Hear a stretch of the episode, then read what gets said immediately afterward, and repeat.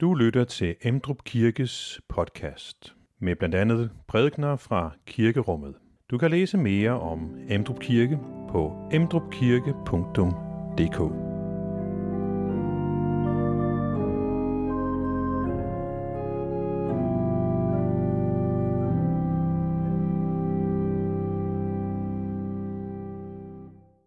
God aften. Velkommen til gudstjeneste. Har du nogensinde prøvet at være inviteret til at spise hos nogen, hvor du tænkte, hej, det er mig virkelig en ære at få lov til at spise her. Nogle gange så bliver vi inviteret af nogen, som vi tænker, jamen, de er jo cirka på samme niveau, som jeg er. Så det er jo naturligt, at jeg bliver inviteret. Men hvis vi bliver inviteret til, at, til middag hos nogen, som er meget højere i hierarkiet, hvad slags hierarki det så er, end vi selv er, så tænker vi, wow, jeg får lov til at være med her. Kan du mærke den følelse? Måske har du prøvet det. Du får lov til at prøve det om lidt her ved nadvaren. Hvordan det hænger sammen, det skal jeg nok forklare, når vi kommer til prædiken. Titlen er, vi får den ære at sidde til ved Herrens bord og blive betjent af kongen selv.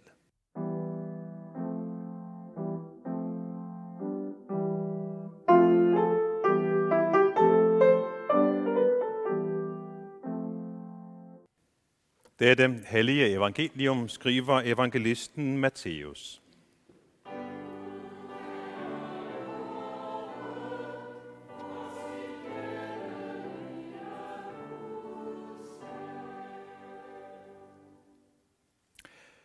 Den første dag under de usyrede brøds fest kom disciplene hen til Jesus og spurgte, Hvor vil du have, at vi skal forberede påskemåltidet til dig? Han svarede, Gå ind i byen til den og den, og sig til ham, Mesteren siger, min time er nær. Hos dig vil jeg holde påskemåltidet sammen med mine disciple. Og disciplene gjorde, som Jesus havde pålagt dem, og forberedte påskemåltidet. Da det blev aften, satte han sig til bords med de tolv. Og mens de spiste, sagde han, Sandelig siger jeg jer, en af jer vil forråde mig. De blev meget bedrøvede og begyndte en efter en at spørge ham, det er vel ikke mig, herre? Han svarede dem, det er ham, som med hånden dyppede i fadet sammen med mig, der vil forråde mig. Menneskesønnen går bort, som der står skrevet om ham, men ved det menneske, som menneskesønnen forrådes af. Det var bedre for det menneske, om det aldrig var født. Judas, som forrådte ham, spurgte, det er vel ikke mig, rabbi? Han svarede ham, du sagde det selv. Mens de spiste, tog Jesus et brød, velsignede og brød det, gav sine disciple det og sagde, tag det og spis det. Dette er mit lægeme. Og han tog et bæger, takkede, gav dem det og sagde, Drik alle heraf. Dette er mit blod, pagtens blod, som udgydes for mange til syndernes forladelse. Jeg siger jer, fra nu af skal jeg ikke drikke af vintræets frugt, før den dag jeg drikker den som ny vin sammen med jer i min faders rige. Og da de havde sunget lovsangen, gik de ud til Oliebjerget. Amen.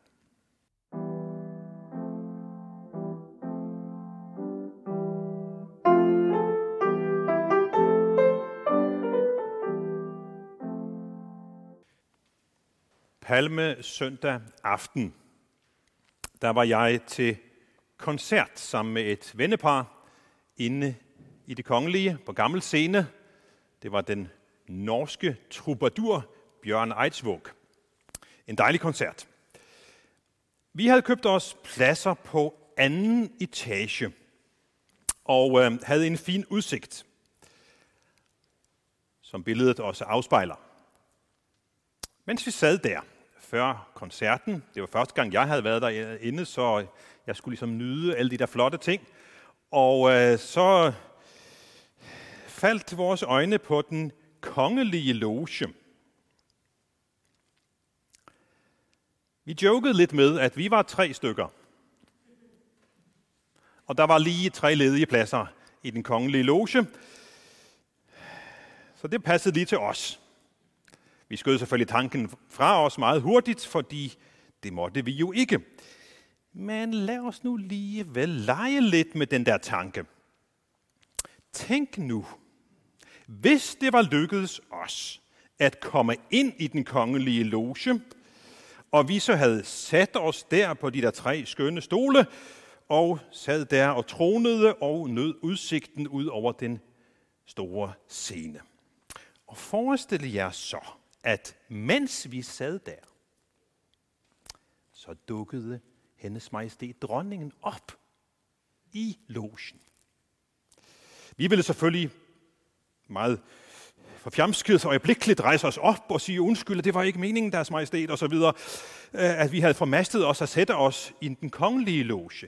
Men forestil jer så, at dronningen så sagde, det er fint, bliv bare siddende, og at hun så fortsatte, må jeg byde på noget? Lidt brød og vin måske, så vi kan nyde det i fællesskab. Det er selvfølgelig lidt pjattet tankeeksperiment. Det indrømmer jeg gerne. Og det skete heller ikke.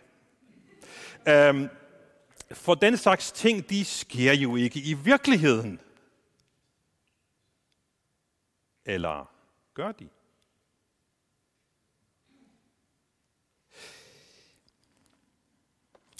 For noget lignende sker faktisk for dem, som lægger mærke til det.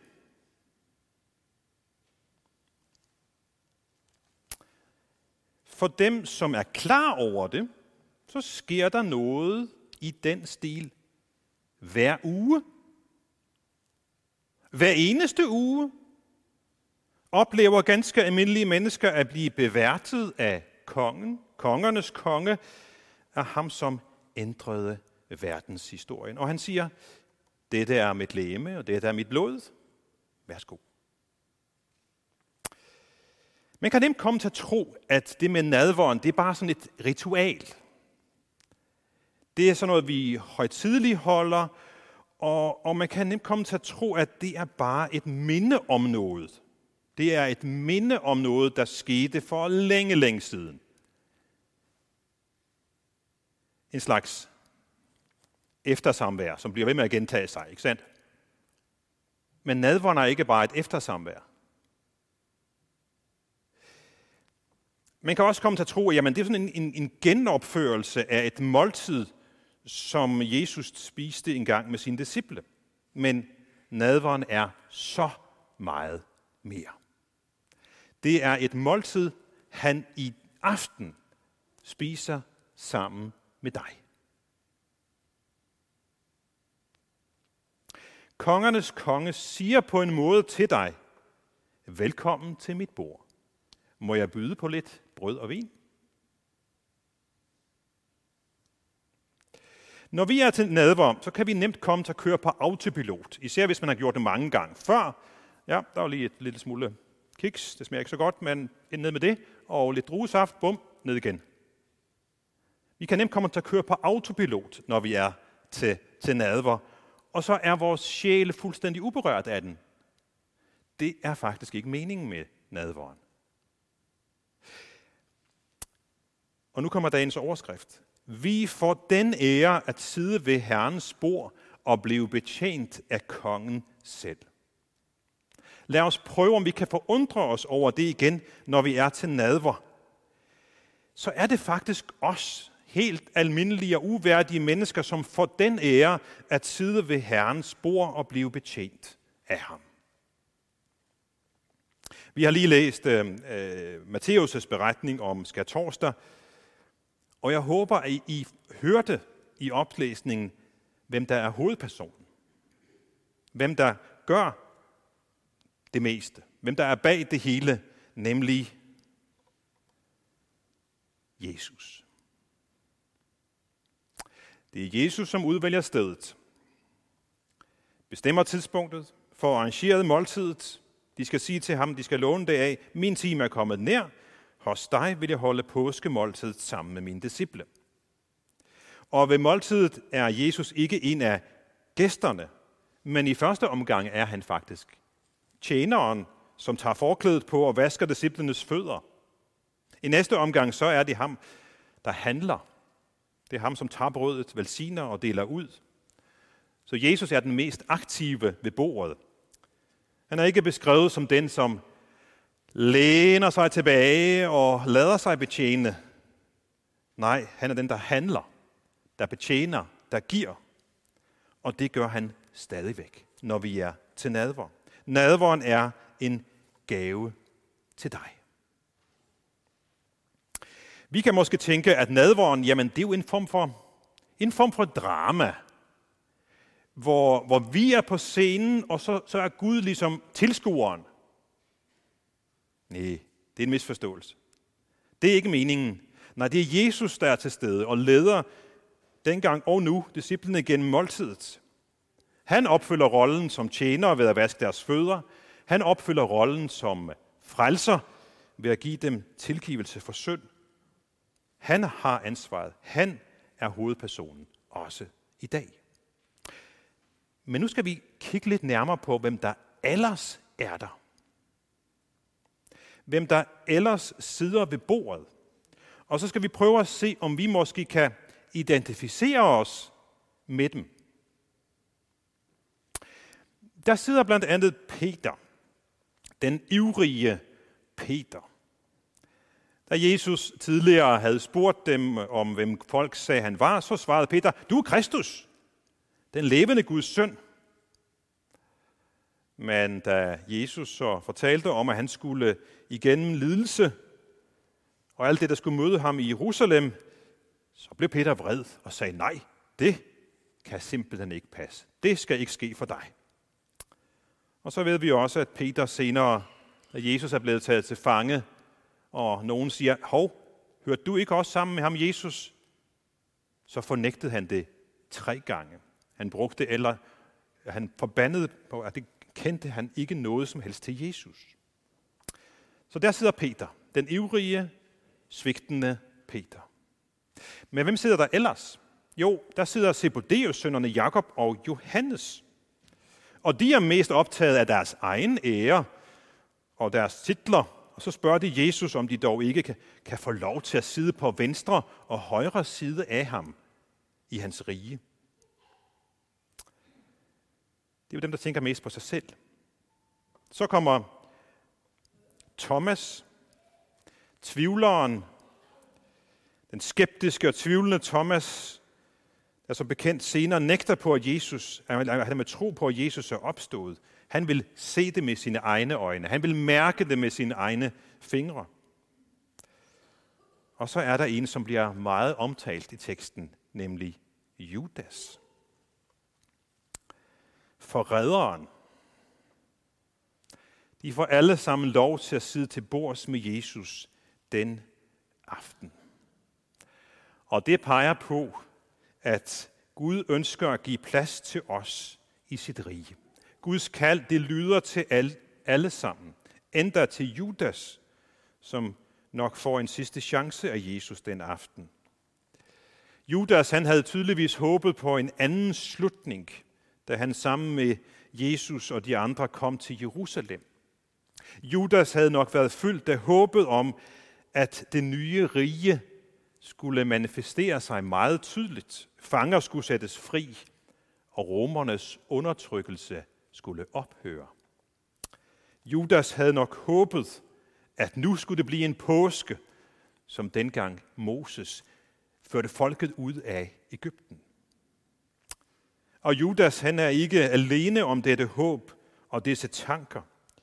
Han er ikke den eneste, som har meget svært ved at få lidelse og død til at harmonere inde i sit hoved med Jesus. Og da Judas så indså, at hans håb ikke holdt, så forsøgte han at skifte kurs. Så valgte han at udlevere sin ven til fjenderne. Han forsøgte at afværge et nederlag, men det blev som nævnt og som bekendt til hans eget nederlag. Vi ved ikke, hvad Jesus ville have sagt til Judas, hvis han også havde været til stede ved Genesarets sø lidt senere, da Jesus siger, følg mig til Peter. For Judas nåede aldrig derhen.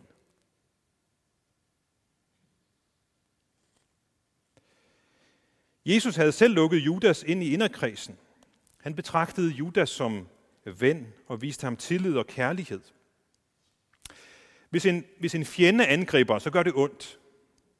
Men når en ven svigter, så er det at forråde. Fordi overfor vennerne er vi jo sårbare. Judas han er, han er kendt for, hvilken bedrøvelig afslutning hans relation til Jesus fik. Og det er en påmindelse om, at relationen til Jesus skal bevares. Og når det er sagt, så sidder han alligevel ved bordet. Han får lov til at sidde ved bordet, og jeg tolker det som om, at Jesus der giver ham en chance. Peter, Jakob og Johannes, Thomas og Judas. Kan du genkende noget af dig i dem? Det kigger vi lige på. Peter først. Jeg tror, der bor lidt af, af Peter i os. Sådan en, der synes, at han har styr på det hele, men som øh, bliver slået ud af kurs, når modgangen kommer. Han har gode intentioner, men øh, det ser ud, som om han har tendens til at kæmpe og arbejde i egen kraft. Så han er en påmindelse til os om at hente vores kraft og styrke hos Guds søn, og ikke i vores egen iver for sagen. Vores egen iver kan være god, men vi er nemme at slå ud, hvis det er det, der skal bære vores tjeneste. Hvad så med Jakob og Johannes? Kender vi også til det? Det er, når vi helst vil redde vores eget skin først. Det er, hvor vi maser os frem i køen og tænker på, at det vigtigste er jo, at vi har det godt. De andre, det må de selv finde ud af. Er der noget af det i dig?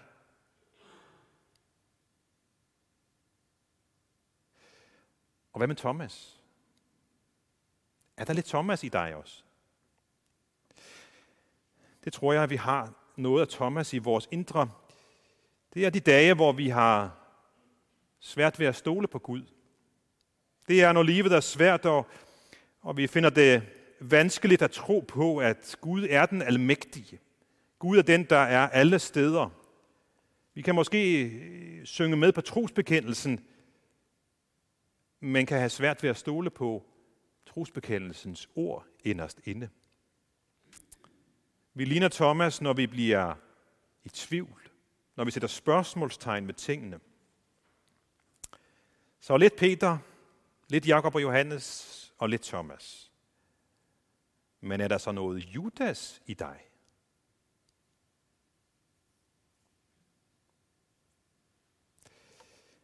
Jeg tror, der bor lidt Judas i os også. Når vi svigter, hvad enten det er Gud eller mennesker, vi svigter.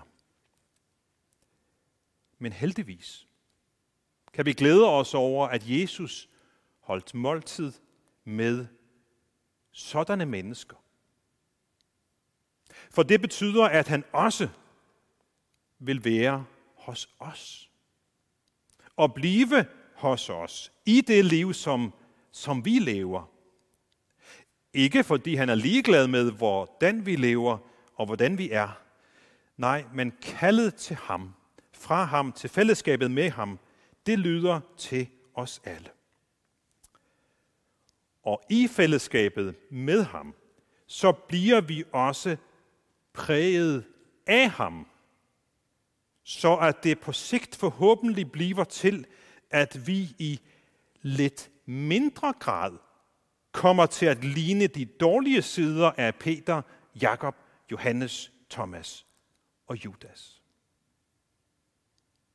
Men selvom det så ikke lykkes så godt for os, så bliver vi ikke stemt ud, så sandt vi tror på Guds søn.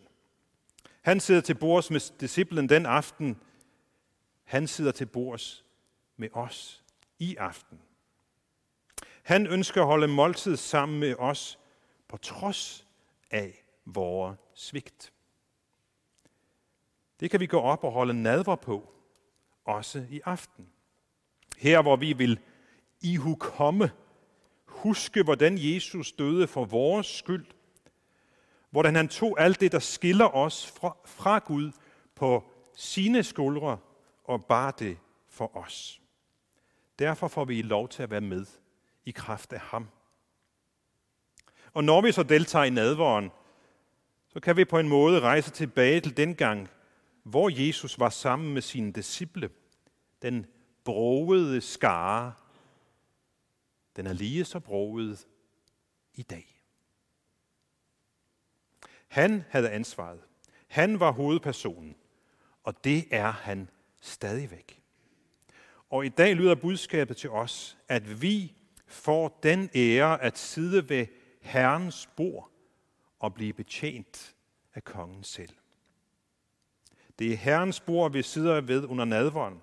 Det er Herrens nadver, vi spiser. Og når vi bliver indbudt til hans bord, så er det en direkte invitation fra ham, kongernes konge. Han inviterer os til sit bord, ind i sin herlige, sit herlige nærvær, for han møder os jo ved bordet. Han løfter byrderne af vores skuldre, når vi er til måltid sammen med ham. Og så er der lige en detalje mere, vi skal have med til sidst. Og det er, at det, som foregår her på jorden, det er på en måde kun forberedelsen til det store festmåltid, som vi engang skal være med til i hans rige. Så lad os med frimodighed og med taknemmelighed tage imod invitationen. Tag del i Herrens måltid. Lad os blive velsignet og mættet. Og så en lille påmindelse. Vær sikker på, at du stadig spiser ved Herrens bord, når han en dag kalder os hjem. Lad os nu rejse os og i fællesskab med apostlene tilønske hverandre, hvor Herres Jesu Kristi nåde, Guds kærlighed og Helligåndens fællesskab være med os alle. Amen. Find flere podcast og læs mere på emdrupkirke.dk